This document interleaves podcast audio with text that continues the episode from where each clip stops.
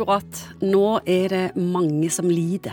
Det kan være sykdom, skade, sorg, frykt eller maktesløshet. Fortvilelse og vondt, enten det er fysisk eller psykisk. Og mange gjør det i stillhet, for stort sett handler det i våre dager om å være såkalt lykkelig. Og da hører ikke smerten til. Men er det ikke sånn, psykolog Egon Hagen, at smerte og lidelse òg er en del av livet? Ja, det er jo, Tom Waits har en utrolig fin sang blant annet synger om at for å sette pris på soloppgangen, så må du ha opplevd mørket.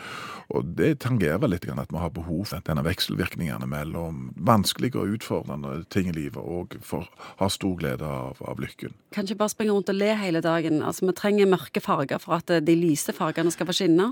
Ja, og så har jo sikkert noen av hvert opplevd at du var på ferie i California i lang tid, og så lengter du tilbake igjen til vestlandsværet, og at det er litt sånn sting i vinden og alt dette. Så, så jeg tror vi trenger begge delene. Men Verdens helseorganisasjon virker ikke helt enige, for de sier at helse det er en tilstand av fullstendig fysisk, psykisk og sosialt velvære ikke bare fravær av sykdom eller svakhet. Det er jo legalist ganske høyt, syns jeg. Ja, Er vi enige i dette? Nei, jeg tror Vi holder jo på litt grann og snakker i ulike sammenhenger om at folk må ikke bli vippet av pinnen hvis du opplever kjærlighetssorg eller at ting er vanskelig eller skilsmisser. Det er en del av denne livspakken. Når du først har mønstra på her og er med på denne reisen, så får du litt dritt og så får du sol, og så får du mer dritt igjen. Det betyr ikke at det er noe gale med deg, eller at du gjør noe feil. Det betyr bare at du holder på å prøve å gjøre så godt du kan. Jeg har sagt det til mange, jeg, at det, det, hører med liksom til livet, det der å sitte og grine i en trappekorridor. Altså. Det, er, det sånn vi utvikler oss. Og uten den smerten, altså, så, um, så, så, så, så blir vi ikke de eh, eventyrblandingene som egentlig kan bli. Jeg har dette bildet med sånn så beste kjøttet jeg vet er reinsdyrkjøtt. Den overlever helt marginalt der det ikke skal gå an å overleve. Og De beste bærene jeg vet er molter. Og De òg vokser på plasser hvor det nesten ikke skal gå an å vokse.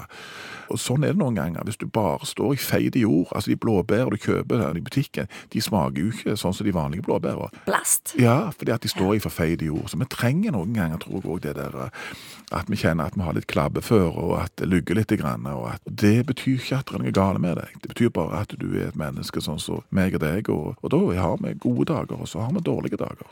Er vi i ferd med å sykeliggjøre lidelse?